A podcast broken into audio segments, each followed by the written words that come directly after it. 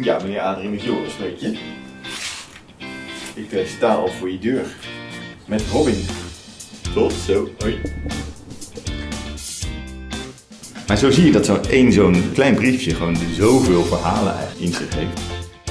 Welkom bij Topstukken, de podcast over de Brabantse geschiedenis en objecten. Ik ben Robin Hoeks. Welkom weer bij een nieuwe aflevering van de podcastserie Topstukken. Zoals je hoort sta ik voor de verandering niet buiten, maar ik zit letterlijk achter mijn eigen bureau. Dat komt omdat de redactie van BrabantErfgoed.nl gevestigd is in het voormalig gouvernement in Den Bosch. En de kenners zullen dan al wel weten dat dat hetzelfde pand is als het Noord-Brabant Museum. En dat is ook het museum wat centraal staat in deze aflevering. Voorlopig ook even de laatste. Dit was natuurlijk super handig omdat we in hetzelfde gebouw zitten als het Noord-Brabant Museum. Ja, maar in deze coronatijden is het toch een beetje ingewikkeld om telkens op pad te gaan naar een nieuw Brabants museum. Hopelijk kunnen we in het voorjaar de serie weer verder zetten. Dit pand was dus van 1770 tot 1983 de machtszetel in de vestingstad Den Bosch. Eerst als zetel van de gouverneur, vandaar gouvernementsgebouw. Uh, en later als zetel van de commissaris van de koning. En heel kort was er nog even de prefectuur van het departement de Bouches-du-Rhin gehuisvest.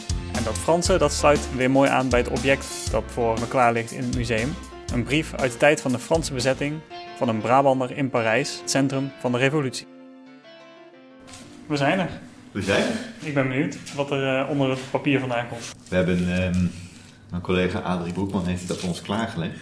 Dit is Joris Westerink, conservator en tentoonstellingsmaker bij het Noord-Brabants Museum. We staan in een ruimte bij het museumdepot, gebogen over een tafel met erop een oude brief.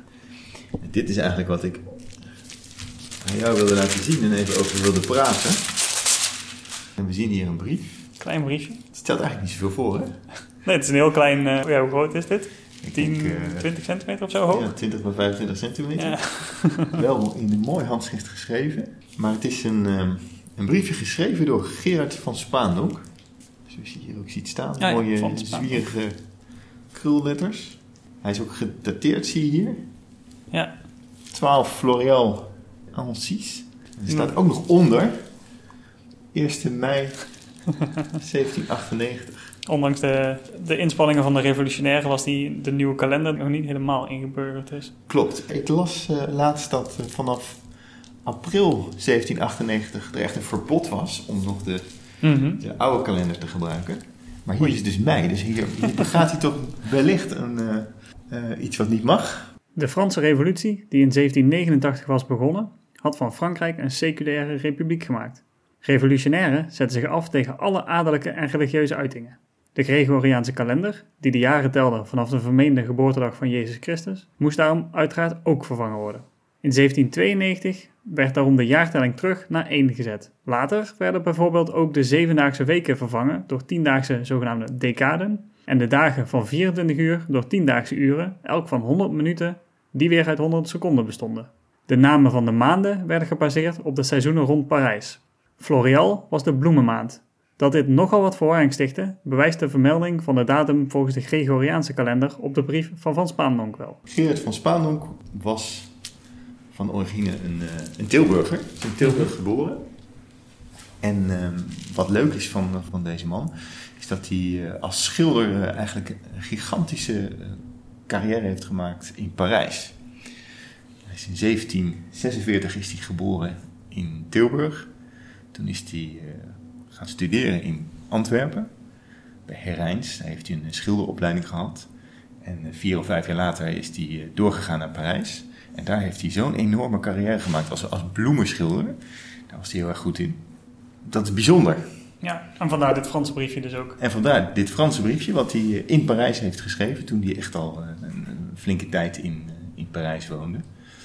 Wat, wat leuk is om te vertellen is dat hij ook nog een broertje had. Dat is Cornelis van Spaandonk.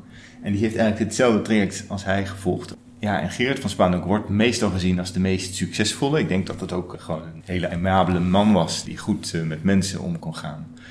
Maar Cornelis van Spaandonk die kon ook heel fantastisch schilderen. Dus, mm. Maar die, is, ja, die wordt net wat minder uh, wat hoog aangeslagen. Het schilderen van stillevens met bloemen was een genre waar Nederlandse schilders onbekend stonden. Deze reputatie lieten Cornelis en Gerard van Spaandonk zich ook maar al te graag aanmeten. Het was immers ook hun specialisatie. Hun miniatuur bloemstillevens verkochten erg goed. Uit wat voor familie kwamen de Van Spaandonks? Ze kwamen uit Tilburg, zei je? Ja, ze kwamen uit Tilburg. Voor één broer hadden ze nog en twee zussen. Eh, ja, het was een, een middenstandsfamilie. Maar wel dus kennelijk... eh, Ja, wel, ze, ze konden wel gaan studeren Ja, in, eh, in, in, Antwerpen. In eerste instantie. En ook als schilder. En hij kwam dus in Parijs op Ja, zoek naar had- een markt. Of zo. Ja, op zoek naar een markt. Nou, hij had dus al gestudeerd in, eh, in Antwerpen. In Parijs schopte hij het eigenlijk al heel snel tot, eh, tot de koninklijk schilder van, eh, van, van miniaturen. Mhm. Ja, die, die carrière begon het eigenlijk dus onder Lodewijk XVI.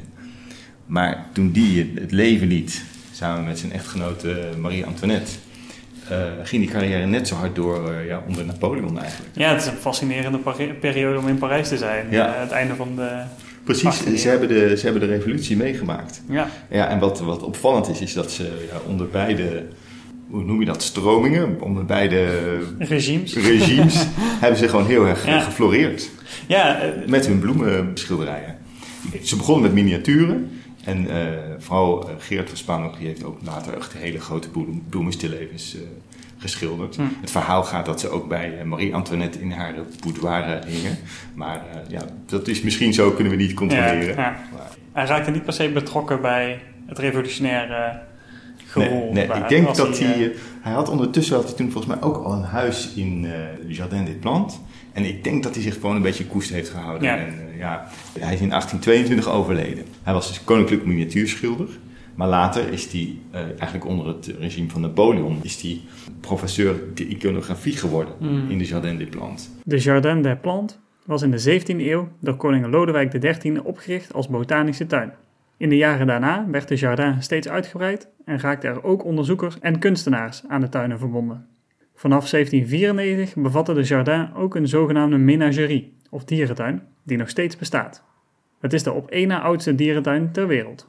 Ah, Dus, ja, ook nog gewoon opgeklommen. Eh, die echt opgeklommen, inderdaad. En dat hield eigenlijk in dat hij, eh, dat hij studenten moest onderwijzen in het schilderen van bloemen. Dus dat Ja. was echt zijn specialiteit. Maar tegelijkertijd eh, ja, drukte hij ook eh, zijn eigen werk eh, om te verkopen. Zodat ze met die, met die prenten die hij dan verkocht, konden mensen zelf eh, ja, ook oefenen om hoe je een, een bloem schildert. Het is dus een briefje van hem wat weer hier terecht is gekomen. Wat staat er Ja. precies in de brief? Ik zie namelijk Ja. één best wel groot woord staan wat ik een beetje opvallend vind. Ja. Er staat namelijk les éléphants, volgens mij. Als klopt. ik het goed kan ontcijferen. Ja, dit briefje is, eh, is geschreven in 1798 en eh, dit is een briefje aan eh, ene Madame de Chalantré. We weten niet wie dat is. Hij is in die tijd is hij al eh, directeur-bestuurder van de Jardin des Plantes. En in die dierentuin zijn dan op dat moment net aangekomen twee olifanten. Nou, olifanten waren in die tijd, dat was gewoon, dat was gewoon spektakel. Ja. Die, die had je nog niet zo vaak gezien. De aanwezigheid van olifanten in Noordwest-Europa was eeuwenlang beperkt gebleven tot de koninklijke hoven, waar olifanten vaak snel weer stierven.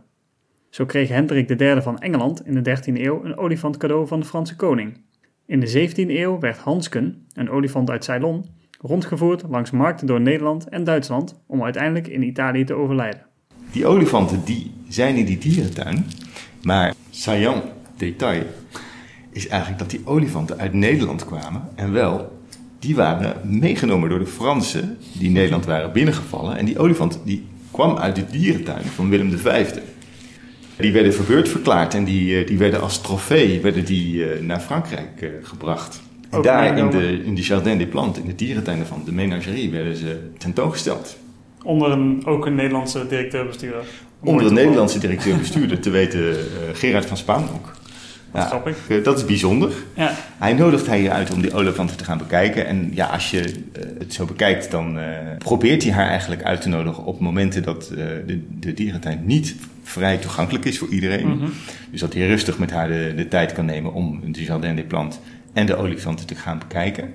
Ja, we weten niet of het echt door is gegaan, deze, deze vraag. Die olifanten die, die kwamen natuurlijk uit de, uit de collectie eigenlijk van Willem V. Ehm, en die olifanten die heten Hans en Parky.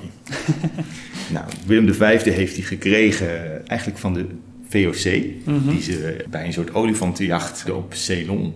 En toen 25 olifanten gevangen, waaronder deze twee jonkies. Dat waren toen nog hele, hele jonge olifantjes. Hans en Parkje hebben ze die genoemd. Die gingen naar de collectie van Willem V als cadeau. Maar toen de Fransen Nederland binnenvielen en ze die hele dierencollectie eigenlijk van Willem V wilden vervoeren naar Frankrijk, toen hadden ze een beetje een probleem met die olifanten. De, de, de dieren die, die werden allemaal nou, redelijk makkelijk naar Frankrijk uh, vervoerd.